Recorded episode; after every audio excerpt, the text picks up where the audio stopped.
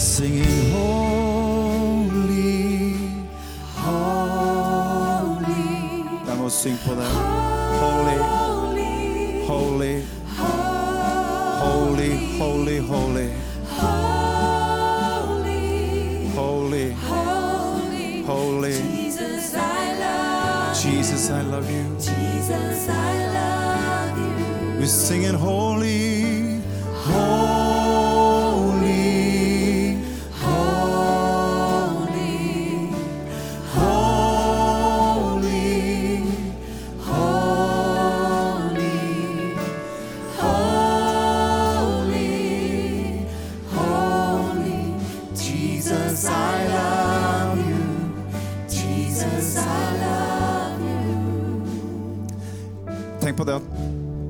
Synger hellig, hellig, hellig, altså tre ganger hellig Gud.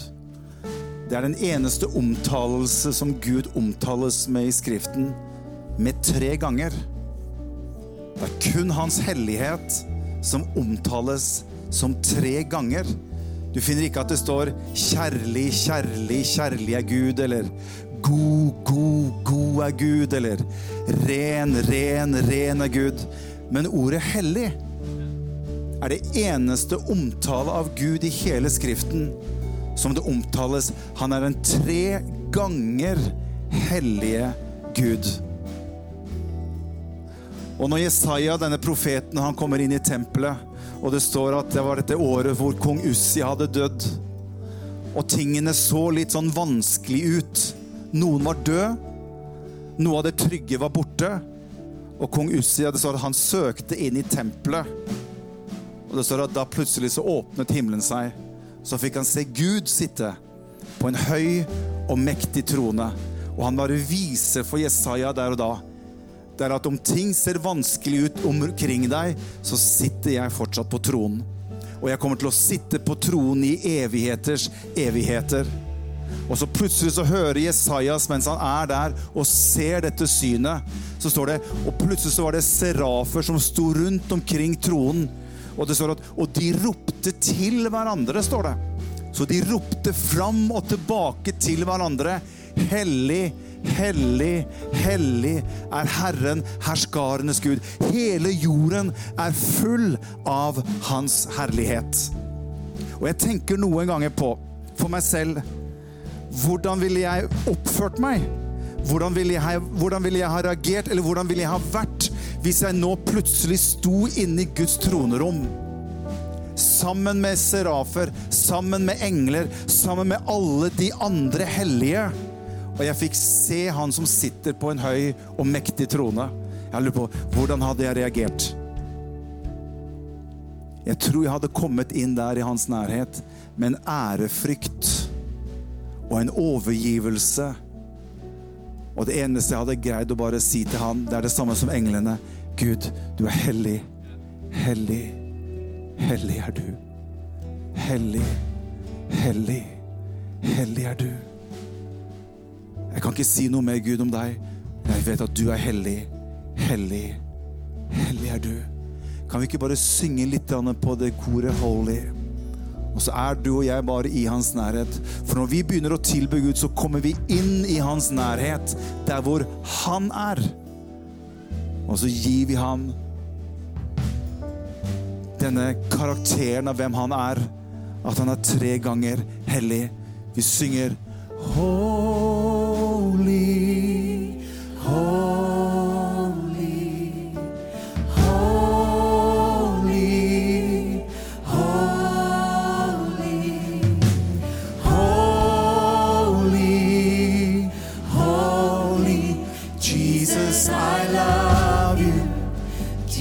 Og du som er hjemme, og du som ser på oss, og vær med oss og syng sammen med oss. Holy, holy, holy. You are holy.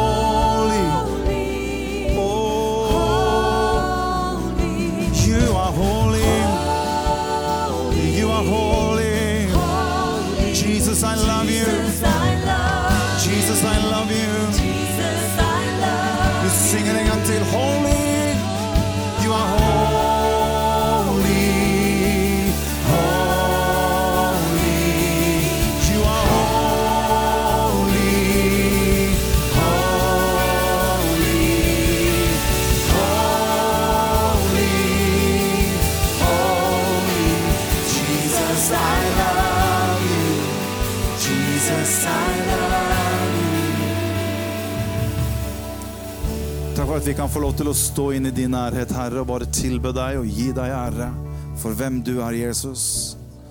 Og takk for at du har gitt oss mulighet til å komme inn i din nærhet for hva du har gjort for oss for 2000 år siden, da du ropte ut 'det er fullbrakt', og du banet en ny og en levende og en åpen vei for oss til å komme inn i din nærhet, inn i din hellighet, Herre. Jeg takker deg for at vi kan få lov til å stå uten skam, Herre, i din nærhet, og rope til deg at du er hellig, hellig, hellig. Jeg takker deg for det, Jesus.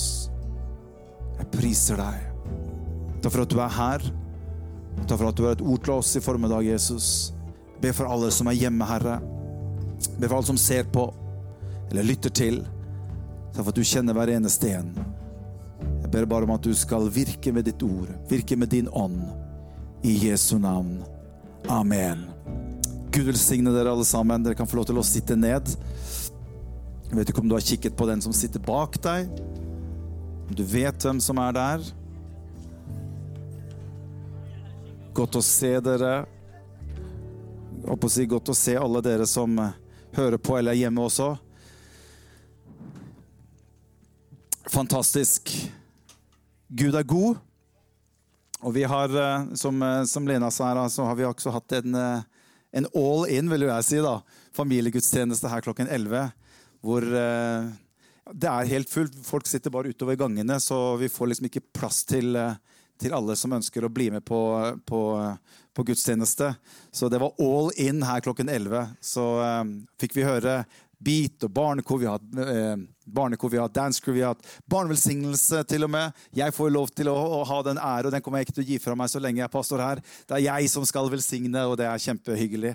Så eh, vi fikk, eh, vi fikk velsigne lille Nathaniel her i, eh, i formiddag. Og så fikk vi høre Samuel, vår ungdomspastor, som eh, delte et fantastisk fint budskap til, eh, til oss om å ha Jesus på førsteplassen i, eh, i livet vårt. Og det var veldig, veldig bra.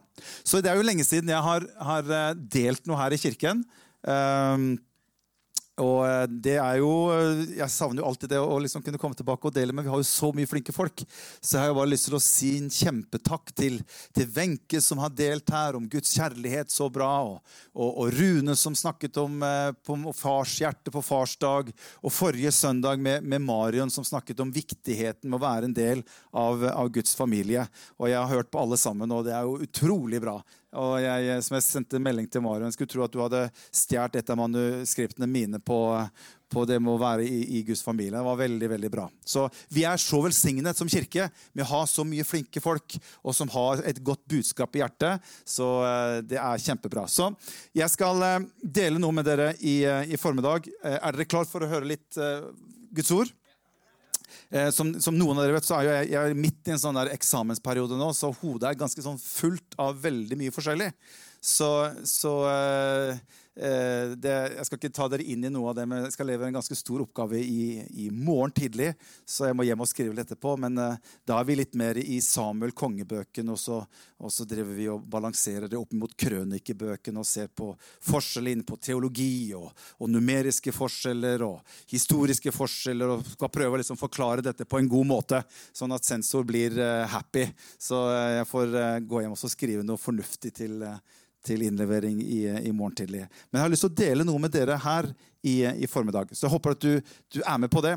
Eh, som kanskje noen av dere har fått med dere, så, så har det den siste tiden i media så har det pågått en, en liten sånn, hva skal vi si, type debatt eh, rundt en ganske stor konferanse som skal være i Telenor Arena til sommeren neste år, som kalles for The Send. Eh, som er en stor ungdomskonferanse som bl.a. pinsebevegelsen i Norge eh, ved PBU eh, og sammen med veldig mange andre kristne ungdomsorganisasjoner eh, er en del av. eh, som skal være i Telenor Arena til, eh, til neste sommer.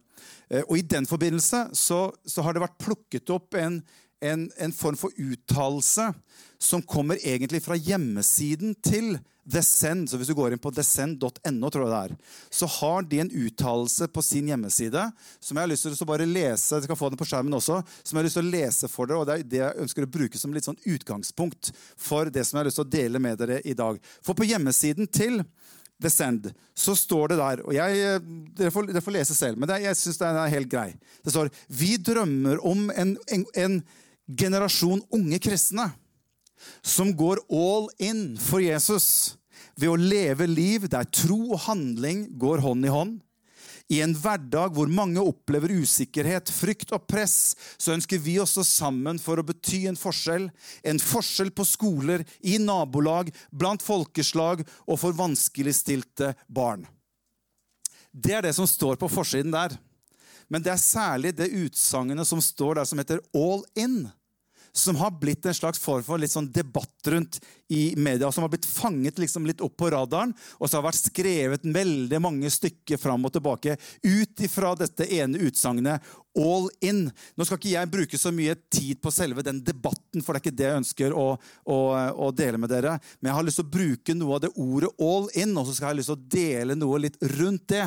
Men jeg har lyst til å nevne for dere en av de innleggene som har, blitt, eh, som har på en måte kommet inn i denne settingen her, som ble skrevet i, i eh, Vårt Land for en stund tilbake. Og da skal vi få opp den teksten, for det var noe av det som ble skrevet der som liksom, jeg fikk litt sånn ah, dette her har jeg lyst til å, å, å, å kommentere litt og dele litt med dere her og dere som sitter hjemme. For der skriver vedkommende eh, Der står det I religionssosiologien kan oppfordringer til å gå all in knyttes til høykostnadsreligiøsitet.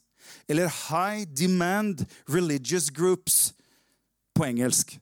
For det som ikke visste at det er på engelsk, så er det det. Det var, det var engelsk det beskriver en altoppslukende form for tro. Der troen ikke bare gjelder for en avgrenset del av hverdagslivet, moralen eller det sosiale livet ditt, men der troen gjennomsyrer alt. Og jeg tenker jo liksom, Når jeg leser det, så tenker jeg liksom, umiddelbart så tenker jeg ja, men er det ikke det det dreier seg om, da, egentlig? Men det er spesielt det ordet 'all in' som en del har da kommentert, og en del har skrevet litt fram og tilbake. Og det er noe av det som jeg har lyst til å bruke som litt sånn utgangspunkt for det som jeg har lyst til å, å, å dele litt med dere i dag. Derfor har jeg kalt prekena mi for 'all in'.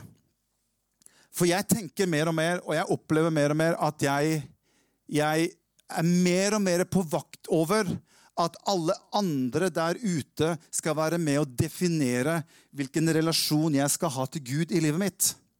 Jeg ønsker at det skal være Skriften og Skriften alene som skal være med å beskrive og skal være med å forklare og som skal være med å dedikere mitt liv sammen med Jesus. Ikke noen som har en formening om et eller annet der ute.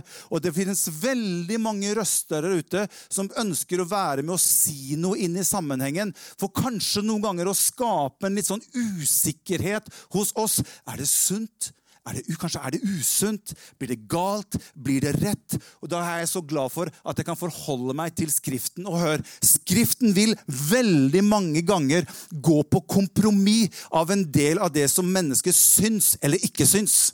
Men jeg kan aldri la media eller mennesker skal forklare meg hvordan jeg skal forholde meg til kristenlivet mitt eller til Gud.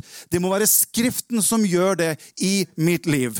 Og jeg opplever noe i mitt hjerte at jeg ønsker å være mer klar. Og jeg har et budskap til oss her i dag, til dere som er her. Og jeg har et budskap til dere som er hjemme, som er litt sånn utfordrende i dag. Er dere klar for en litt formanende, litt utfordrende pastor Morten Aune som deler noe med dere i dag? Dere er klar? Ja, Dere vet jo ikke hva dere er klar for før jeg er ferdig. da, så Dere burde kanskje ha svart etterpå når jeg har gått igjennom noe av det jeg har lyst til å dele. Fordi og jeg vil at dere skal følge med på det som jeg deler i dag, for dette er noe som ligger meg på hjertet. For jeg tror at Jesus har gjort noe mer for deg og meg enn bare å tilby deg og meg en slags form for billett til evig himmel og til et liv i himmelen. Jeg tror Gud har en større plan for deg og meg enn at han bare gir oss en slags for livsforsikring om at hvis du bare tar imot meg til Jesus i ditt hjerte, så er alt ok, og du kommer til å leve evig sammen med han. Det er bare én del av det. Men jeg har lyst til å utfordre oss alle sammen i dag, og dere som sitter hjemme, til å ta dere med og prøve å forklare ut av dette ordet all in. Fordi jeg kjenner i mitt hjerte at jeg ønsker personlig å gå all in med Jesus. Det var ett ammen der. Nå begynner det å bli mer og mer stille her. Men vi, vi, vi skal få, litt, vi skal få litt ammen, ammen litt opp igjen. Hør! Gud har kalt oss til noe mer. La meg bare forklare litt. Hvis du ser eksempel i 1. Johannes 1, vers 16 1. Johannes 1, vers 16 så står det der at av hans fylde har vi alle fått nåde over nåde. Husk I gamle dager så sa alltid predikanten 'si fått'. Og vi, vi prøver det en gang nå. Så, så, så, så sier jeg 'si fått'. Ja. Vi har alle fått. Og det er noe i Hva skal vi si I kristenlivet eller i forkynnelse eller i for, Hva skal vi si dette her er bare noe som ligger meg på hjertet. det må hjelpe meg å preke litt, sånn at jeg får fram det jeg ønsker å få fram. Det er noe i kommunikasjonen som vi har hatt i en del år i kristenheten, hvor vi har hatt en tendens til å plassere deg og meg som troende på få-siden. Vi har alle fått, og vi elsker de ordene 'fått'. Han som har velsignet meg med all åndens velsignelse i himmelen i Kristus Jesus.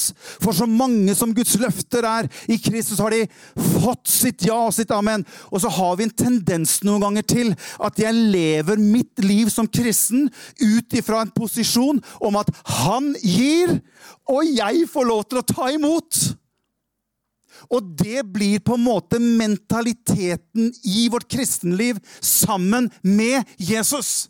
Jeg går rundt egentlig hele tiden og bare regner med at jeg skal få, få, få, få. For det behager jo meg som menneske mye, mye mer enn hvis jeg plutselig skulle være med å gi. Nei, men det vil jeg jo ikke. Det er mye mer behagelig å bare å få. Og noe av forkynnelsen må nok ta noe av ansvaret for at ikke vi har vært mer klar på at Gud har ikke bare lagt til rette for at du og jeg skal være på mottagersiden, og han er kun på giversiden. Nei, det er en gjensidighet i forholdet mellom meg og Jesus som gjør at han gir, og jeg får, og jeg gir, og han får.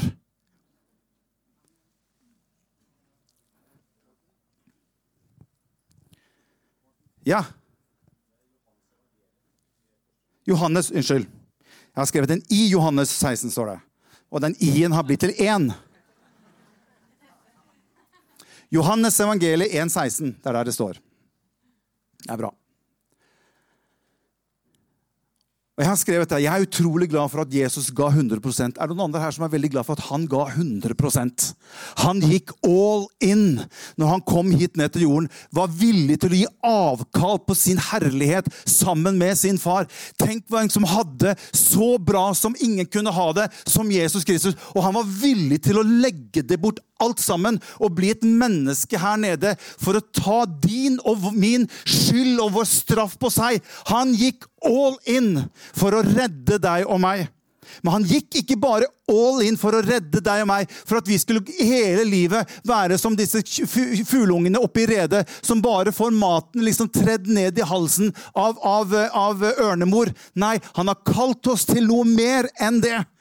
Og hvis ikke vi kommer ut ifra den mentaliteten at Gud alltid bare skal gi meg noe, så vil du og jeg aldri kunne vokse på en sunn og god måte i det å leve sammen med Jesus.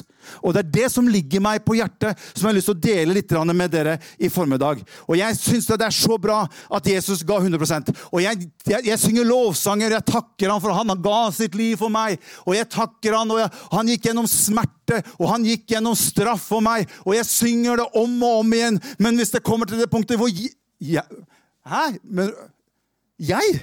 Skal jeg gi noe? Nei, det kan jeg gjøre hvis jeg føler det godt. Nei, det kan jeg gjøre hvis hele livet mitt er så bra at jeg har liksom noe til overs for å kunne gi noe tilbake. Og hør, veldig ofte så kommer vi som kristne i en relasjon til Jesus at det blir en slags form for økonomisk handelsforhold i relasjonen til Gud. Vi begynner med en gang å regne på det litt sånn menneskelig sett. Det er akkurat som jeg tenkte, skulle, tenkte, tenkte jeg skulle ha med meg sånn en, en, god bunke med sedler, liksom, for å liksom, ha masse penger på scenen her. Men dere ser for dere i gamle dager kan, Noen av dere unge har aldri sett noe penger. For det var Samuel han skulle snakke om sånn penger her i, i, i, på formaksmøtet. Men en sånn mynt, sånn femkroning, og mange av de minste hva, hva er det for noe, liksom? Vips kjenner vi, men en femkroning har vi aldri sett før i vårt liv. Men hvis du ser for deg Jeg vet jo ikke hvordan sedlene ser ut i dag. Men jeg tror Jeg har sett noen sedler som, som ser ut som norske kroner. Men jeg har tenkt jeg skulle ha masse sånne penger. Og noen ganger har vi som kristne tendens til at når jeg står foran Jesus i min relasjon Nå snakker jeg ikke om din relasjon, men jeg snakker om min relasjon med Jesus. Så blir jeg sånn at jeg står liksom litt sånn OK, Jesus. Ok, Hvor mye koster det, da? Hvor, hvor, hvor, hvor mye skal du ha av meg? Og så begynner vi på en måte en slags form for handelsforhandling eh, med Gud i livet vårt. Hvor jeg på en måte megler litt fram og tilbake med Gud i mitt eget liv.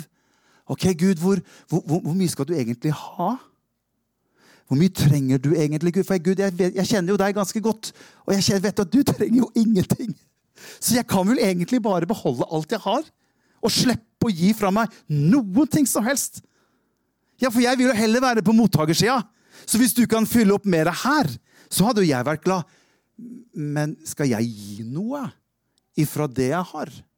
Og så kommer vi inn i den mentaliteten i vårt gudsforhold. Og hør, det er ikke det Gud ønsker for ditt og mitt liv sammen med Jesus. Han ørker ikke at du og jeg skal på en måte prøve å vurdere fram og tilbake hva du og jeg skal gjøre med hans liv. Se hva som står i Lukas kapittel 9 og vers 57. Lukas kapittel 9, vers 57 og til 62. Vi skal bruke noen skriftsteder her. Det står det, og jeg, jeg, kommer til å være radikal fordi at Jesus, Jesus, er så utrolig radikal. Og jeg ønsker ikke å Mitt mål er ikke at vi skal, liksom, skal sende hjem en gjeng med en skikkelig dårlig samvittighet. Det, det, det, er ikke mitt mål i det hele tatt, for det, jeg, det hjelper ingenting. Men hvis vi ved Den hellige ånd kan få lov til å, å, å dele noe som kan gjøre noe i oss, i hjertene våre, i vårt forhold til Jesus, så er det det jeg ønsker å dele med dere i formiddag. Lukas kapittel 9 og vers 57. Der står det Mens de gikk der på veien, var det en som sa til ham, Jeg vil følge deg hvor du enn går. Så svarte Jesus tilbake, Revene har hi, og himmelens fugler har rede, men menneskesønn har ikke noe han kan hvile hodet på.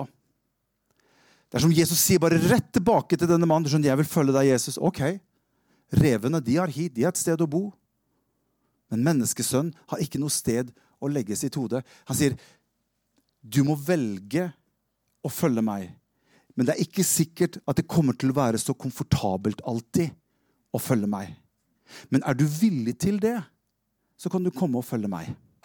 Det er det han sier her. Det er ikke sikkert du kommer til å ha et sted å bo engang. Menneskesønnen har ikke noe sted å legge sitt hode. Velger du komfort, eller velger du korset? Det er egentlig det Jesus sier til den mannen som sier, 'Jeg vil følge deg hvor enn du går'. Jeg er jo ikke vant med å høre sånt.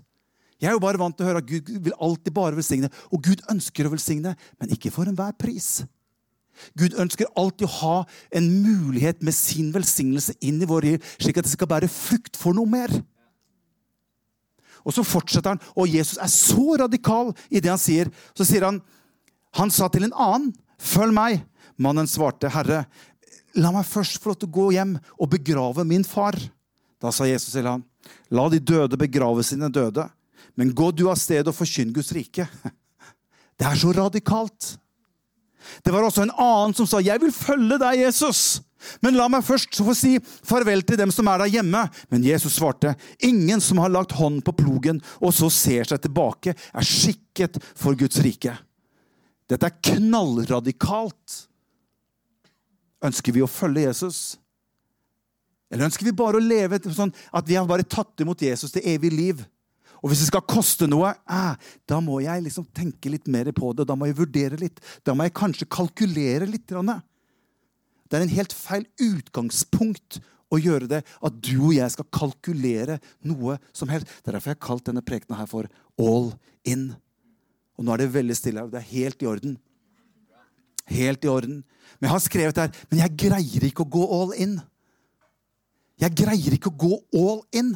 Vi skal se på et lite vers her. Henger det med fortsatt? Markus kapittel 12, vers 28. Nå er det så lenge siden du har hørt meg, så jeg har masse nåde å gå på. så det er veldig bra.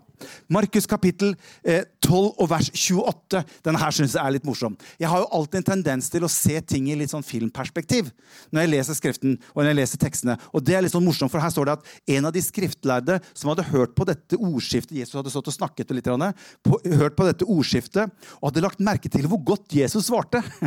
Det synes jeg er litt morsomt. Og Han gikk bort til han og spurte hvilket bud er det første av alle. Det her spør han at Jesus, og sier Jesus, det første budet er dette.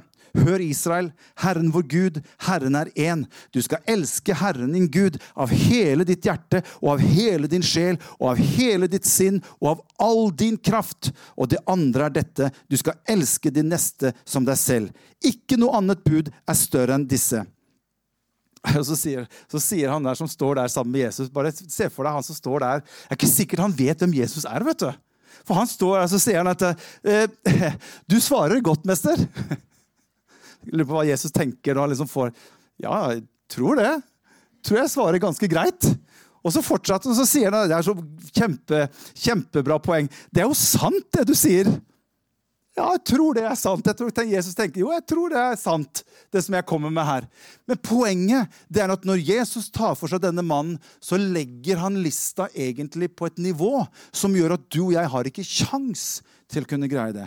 Når Jesus sier at du skal elske meg av hele ditt hjerte, av hele din sjel, av all din forstand og all din kraft, det er umulig for deg og meg som menneske å gjøre. Og det er noe av denne hva skal vi si, denne tanken om hva Jesus egentlig ønsker fra deg og meg, og hvordan jeg i det hele tatt kan stå i det spenningsforholdet mellom at han krever jo egentlig alt, og jeg bare vet med meg sjøl at jeg greier ikke å gi han alt. Nei, ingen mennesker greier å gi han alt. Men likevel så handler det om noe i ditt og mitt liv og i ditt og mitt hjerte som må være rett og riktig innenfor Gud i min relasjon sammen med Jesus. Som er så utrolig viktig. Og Derfor så står det i Hebrebrevet kapittel 13 og vers 15. Og Der står det et lite nøkkelord som jeg vil at dere skal få med dere i dag. Et lite nøkkelord som vi ofte hopper litt forbi, for vi er på vei til liksom hovedinnholdet i den teksten. For der står det fra vers 15 i Hebrebrevet kapittel 13 der står det La oss da ved ham stadig bære fremfor Gud vår lovprisning som offer. Det vil si frukten av lepper som bekjenner hans navn. Men glem ikke å gjøre godt og dele med andre, for Gud har behag i slike offer. Jeg liker ikke ordet offer. Jeg vet ikke det er med deg, men jeg liker ikke sånne ord. Offer. Ofre noe.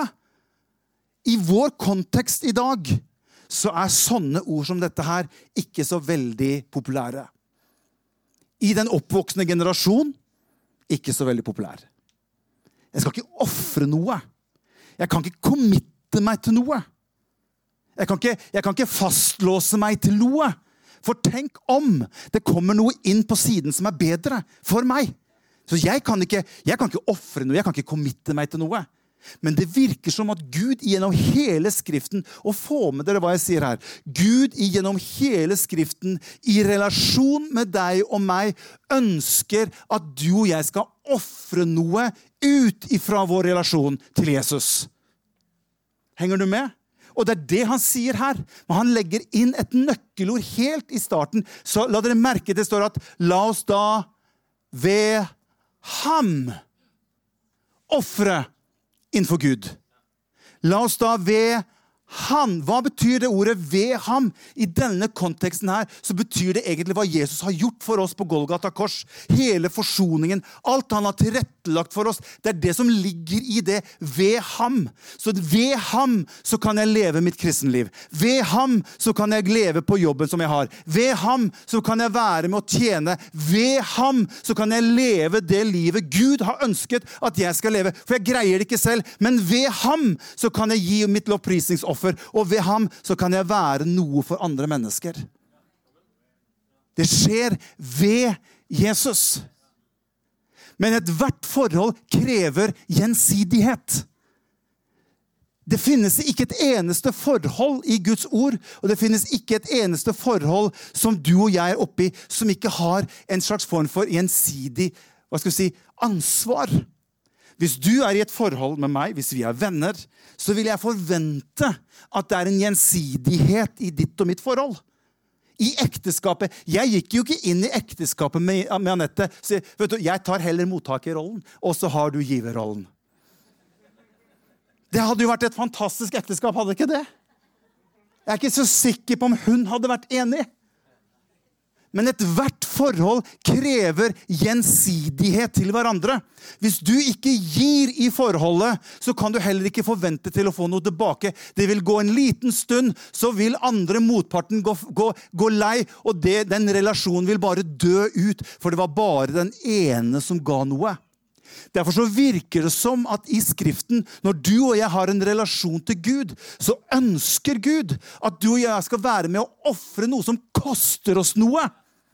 Og det er det som berører Guds hjerte. Og her står det 'lovprisningsoffer'. Ja, men skjønner Gud, jeg kan synge en ny sang for deg, vet du. What a powerful name. Den er, den er helt ny. Den kan jeg ofre til deg, Gud. Vet du, Nå går vi jo inn i jul, ikke sant? Og noe som er håpløst, det er å kjøpe julepresanger til noen som har alt fra før. Det er jo et hodebry. Hvem, hva, hva skal du kjøpe til noen som har alt ifra før? Og det er noe av den samme tankegang her. Jeg mener, Hva skal jeg gi til Gud? Som har alt fra før. Som er alt fra før. Jeg kan ikke bare komme til han og si vet du, at nå har jeg fått en ny sang. What a powerful name it is. Bare hør her, Gud. Nå skal jeg bare gi deg, nå skal jeg bare fortelle deg hvor stor du er. Og så sier jo Gud ja, kjempefint. Akkurat nå så er det seks Hvor mange er det? Ja, Det er 46 858 andre steder på gloden som nå synger akkurat samme sang. Og det er faktisk flere millioner mennesker akkurat nå som synger på det verset. Så vær, bli med. Syng sammen med de andre. Er det det som gir Gud noe? Jeg skal la den henge der litt. Se hva som står i Lukas kapittel 21 og vers 1. Jeg har lyst til å bare ta dere med inn mot slutten her og dele noe med dere. For jeg tror bygge, jeg tror det er feil at vi skal bygge opp en kristenhet som har en 'give me, give me, give me'-mentalitet.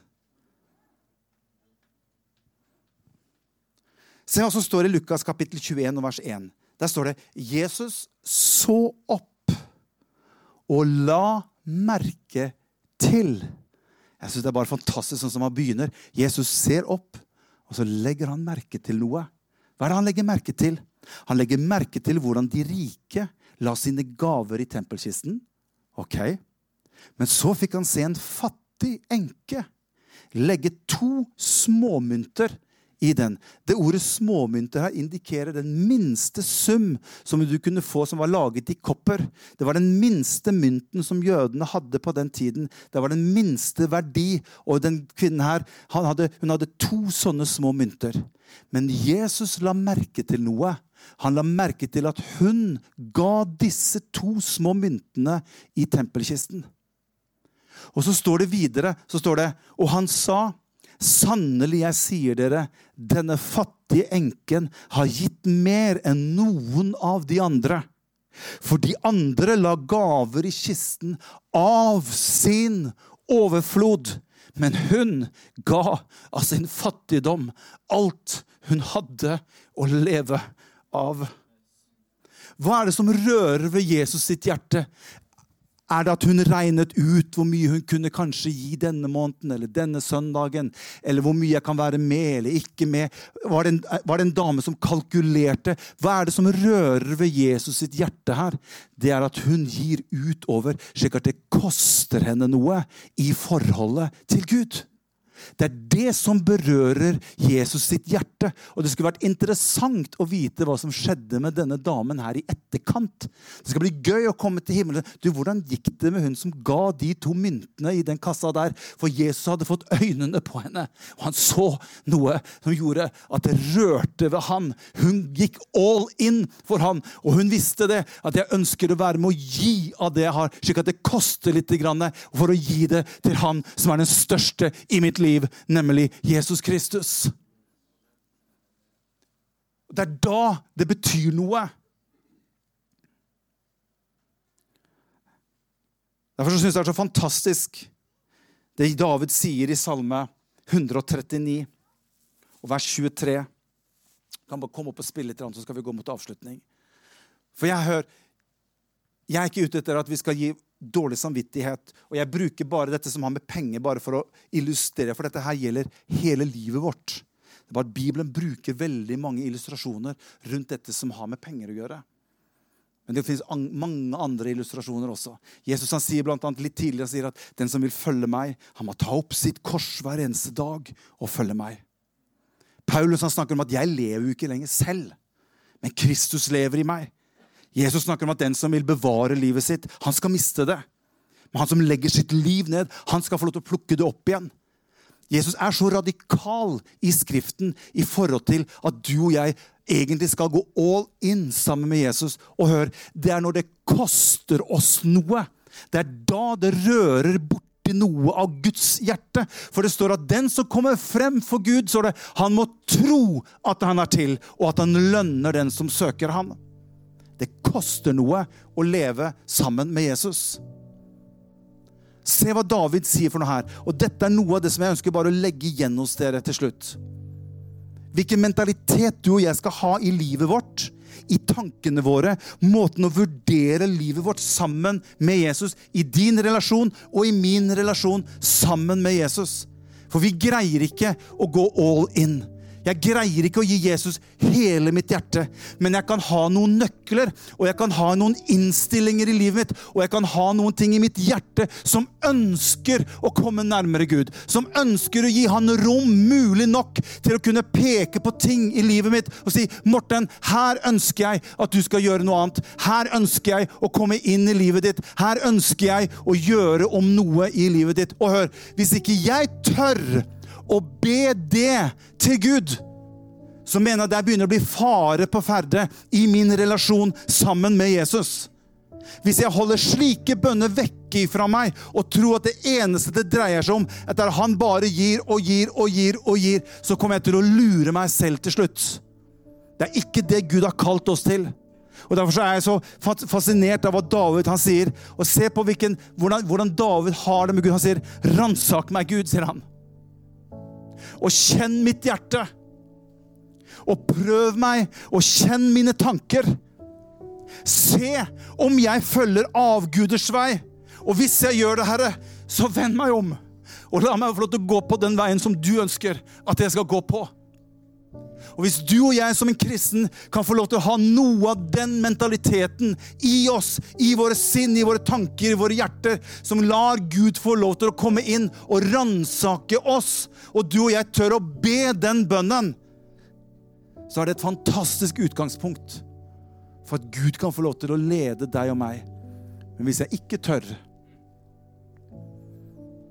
Hvis jeg ikke tør, så er det fare på ferde i min relasjon sammen med han som jeg ønsker å ha en relasjon sammen med. Er Jesus nok for oss? Er Jesus nok for deg? Er Jesus nok for meg? Eller må jeg alltid kalkulere ut ifra hva jeg har, og hva jeg kan tilby? Og jeg er i en handelssituasjon med Jesus hele tiden.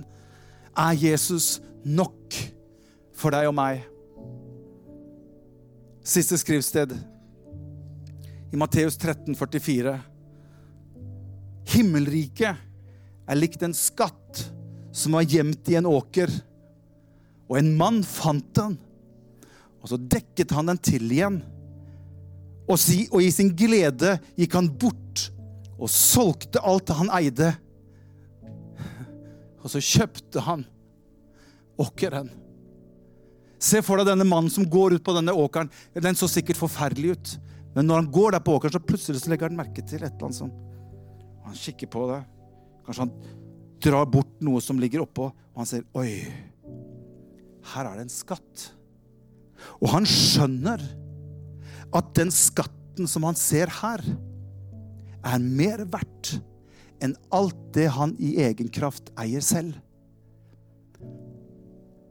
Så det han gjør, er at han dekker det til igjen, bare. Og tenkte jeg, det er jo ingen som har denne åkeren her. Og det er sikkert ingen som har lyst på den heller. Og det er sikkert ikke noen som vet hva som befinner seg i den åkeren. Så, og, står, og han gikk bort, og så solgte han alt han eide. Og folk spurte han jo hva er det du driver med. Hva er det du gjør? Nei, nå selger jeg alt jeg har, jeg. Jaha. Og hva har du tenkt å gjøre med de pengene? Nei, jeg kjøper den åkeren som ligger der borte. Hva? Skal du kjøpe den åkeren der borte? Se på den, da! Det der er jo ikke noe å investere i. Det der er jo ikke noe å gå for. Det der er jo helt ubrukelig. Men det står til og med at han mannen var glad, står det. Jo, sånn. Jeg kommer til å legge bort alt jeg har. Så kommer jeg til å gå for den åkeren. For jeg vet at i den åkeren så fins det en skatt som er så mye, mye mer verdt enn alt det andre som jeg har her i livet. Og han gikk bort og solgte alt han eide, og kjøpte denne åkeren, som er et bilde på Jesus Kristus, som du og jeg kan få tak på. Og han skylder ikke deg og meg noen ting, men han har sagt at jeg skal være med deg alle dager. Hvis du gir deg til meg, så skal jeg gi meg til deg. Og du kommer aldri til å mangle noen ting som helst. Hvis jeg kan stole på Jesus så mye at han kan frelse meg for hele evigheten, så kan jeg i hvert fall stole så mye på han at han kan lede meg her på jorden. Og ikke bare lede meg, men også gi meg det som jeg trenger for å leve her nede. Men jeg ønsker å gi han alt. Jeg ønsker å gi Jesus alt. Kan vi ikke reise oss opp alle sammen? Du får lovsangen opp også.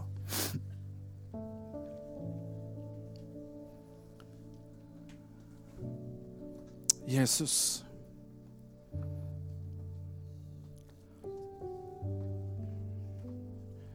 Priser deg, Herre.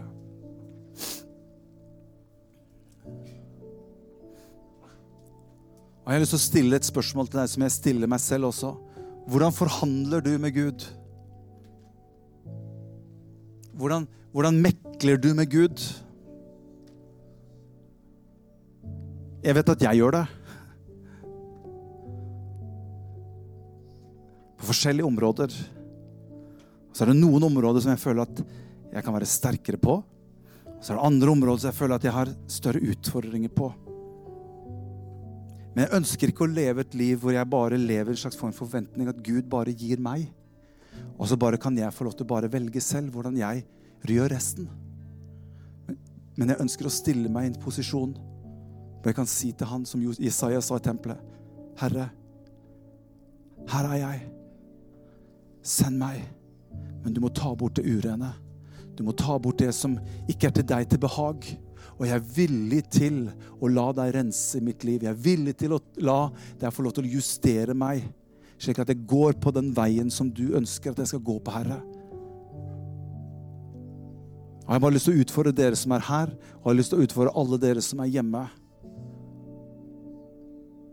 Bruk den skatten som er i den åkeren, men vær villig til å gi bort det du har. Når denne rike mannen som kommer til Jesus, og spør Jesus, hva skal jeg gjøre for å arve evig liv? Og Jesus ramser opp massevis av disse lovene. Og denne mannen var jo så stolt og krys. Han sier, ja, men jeg har jo fulgt alt dette du sier, i alle år. Så sier Jesus, så går han inn på ett område til denne mannen, og så sier han, men én ting mangler du, sier han. Gå bort, og så selger du alt du har. så kan du komme og følge meg etterpå. Og Det står at da gikk denne mannen bort. Det ville han ikke. Han gikk bedrøvet bort, står det, for han var meget rik. Men Jesus prøvde ham på ett område i livet hans.